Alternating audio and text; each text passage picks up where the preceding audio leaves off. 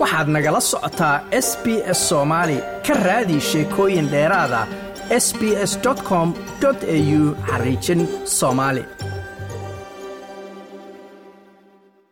ku dhowaad hal bilyan oo qof ayaa adduunka oo dhan laga helay xanuunka dhimirka saasoo ay tahay qaar badan oo kale ayaa qarsada xanuunka maadaama xanuunada dhimirka lala xiriiriyo ceeb sida laga soo xigtay warbixin caalamiya cilmi baarayaal ka kala socda afartan dal oo adduunka oo dhan ah ayaa baaritaan ku sameeyey arrintan. Qofkaad doontaba ahaw meesha aad doonta ka imow lacagtaad doonta hayso ama shaqadaad doontaba ka shaqeeye xanuunka dhibirku cidna ma takooro. Mikaela mulunga waa ardayad dhigata fasalka sagaalaad kuna nool dalka u k waxay khudbo ay ka jeedisay barta ted tok labada kun iyo sagaal iyo tobankii ku sharaxday xaaladda qofku maro marka lagugu sheego ama laga helo xanuunka dhimirka.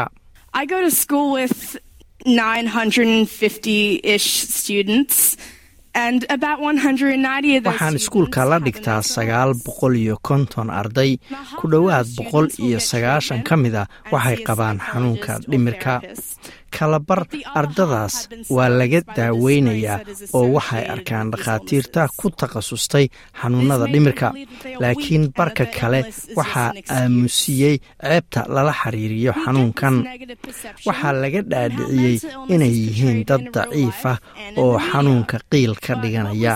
waxaa jira in fikraddaasi khaldan awgeed xanuunka sawirkaas laga bixiyey.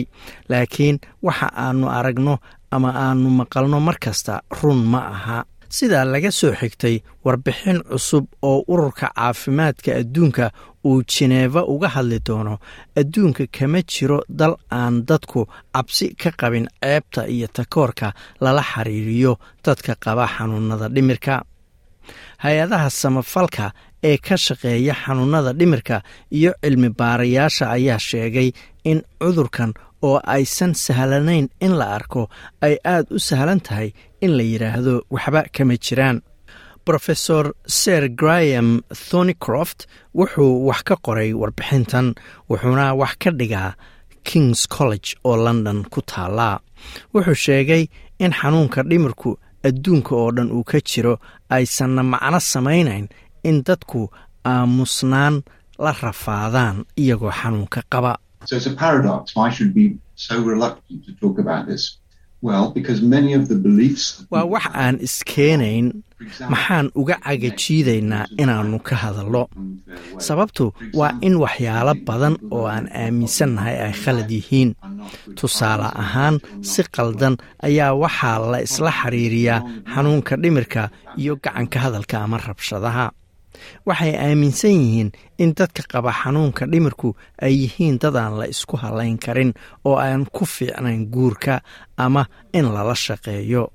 Marka dhibaatooyinka ugu badan waa qaladka dadku ka aaminsan yihiin xanuunka dhimirka ayuu yidri warbixintan ayaa loogu magacdaray xanuunka laftiisaba waan ka xun yahay sababtoo ah dadka qaba xanuunka ayaa cilmi baarayaasha u sheegay in qarinta iyo cabsida ay ka qabaan in la ogaado iyo ceebta lala xiriiriyo ay ugaba sii daran tahay xanuunka laftigiisa ay qarsanayaan. Hay'ado badan oo samafal ah oo ka shaqeeya xanuunada dhimirka ayaa qiraya dhaawaca dadka gaari kara.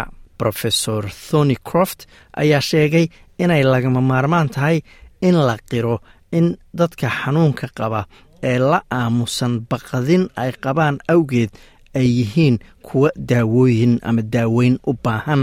This year, across the world, are about 970 million people in those categories.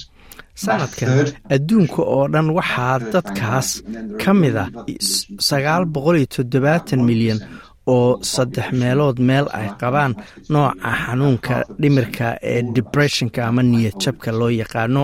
Saddex meelood waxa nooca anxiety-ga la yidhaahdo ama walaaca ama walbahaarka. Waxaa kaloo jira noocyo kale. Tusaale ahaan hal boqolkiiba dadka adduunka waxay mar noloshooda ku dhaca nooca la yidhaahdo skisifriniyada oo ah mid aad u daran calaamadaha lagu gartana ay ka mid yihiin in qofku moodo in daddaba socda ama si gaara loo raadsanayo eber dhibic shan boqolkiiba waxay qabaan nooca bibolarka la yidhaahdo oo soomaalidu u taqaano laba cirfoodka. Cilmi baarayaasha ayaa sheegay in dalal badan oo fakri ah aysan haysan daaweyn. Dalalka qaarna daaweynta xanuunka dhimirku ayba tahay wax aan lagaba aqoon.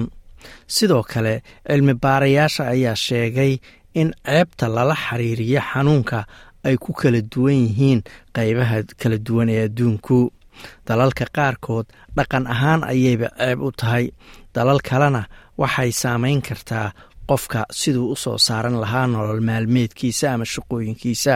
Warbixinta ayaa lagu sheegay in xanuunka dhimirka iyo saboolnimadu ay gaar ahaan burbur weyn iyo dhibaato weyn u geystaan dalalka dakhliga dhexe iyo kuwa dakhliga hoose sida laga soo xigtay cilmi baarayaasha qaar ka mida dadka qaba xanuunka dhimirka ayay dhici kartaa in loo diido inay codeeyaan ama guursadaan ama ay dhaxlaan hanti. Warbixin lagu daabacay joornaalka lanced ayaa sidoo kale lagu shaaciyey in faafkii covid nneteen-ka uu bannaanka soo dhigay dhibaatooyinka xanuunada dhimirka. Rofesor thorncroft ayaa qiyaasaya in shan iyo labaatan boqolkiiba ay kordheen xanuunada dhimirka ee anxiety-ga iyo depressionka la yidhaahdo sannadkii u horreeyey ee faafkii covid nneteen-ka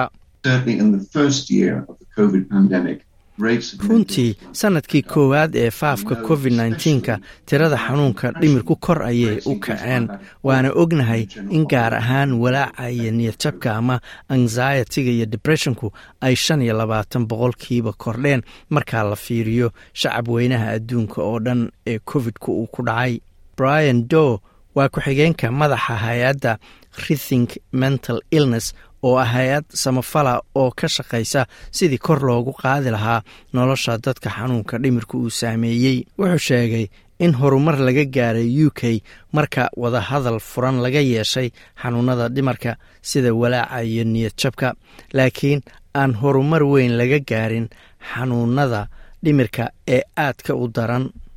Wuxuu intaa ku daray in dhibaatadu tahay in dadka xanuunada dhimirka qaba aysan u badnayn inay sharaxaan ama u sharaxaan xanuunka haya iyo baahida ay qabaan xataa aysan u sharaxi karin dhakhtarka qoyska ama xubnaha qoyskooda.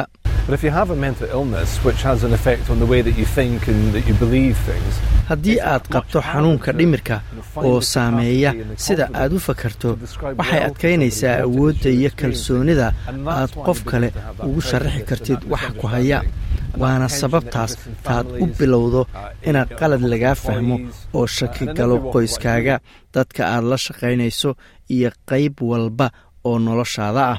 Rofesor toncroft ayaa sheegay in dhaleecayntu ay ku dhici karto qaabab kala duwan sida da-da qofka iyo dalka uu joogo laakiin ay saamayso da' kasta dhalinyaro ama dad waaweynba ha noqdeene.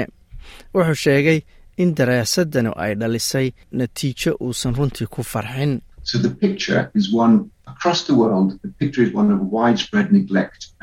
Markaa sawirka iiga soo baxay adduunka oo dhan waa mid dayac iyo tixgelin la'aan baahsan ah ayuu yidri warbixintan waxay qayb ka tahay barnaamijyada caafimaadka maskaxda iyo badqabka ee s b s ta haddaba si aad macluumaad dheeraada u hesho booqo s b s com au xariijin mind your health. Halkaas oo aad ka dhagaysan karto bodkastyo iyo macluumaad ku baxa in ka badan soddon luqadood.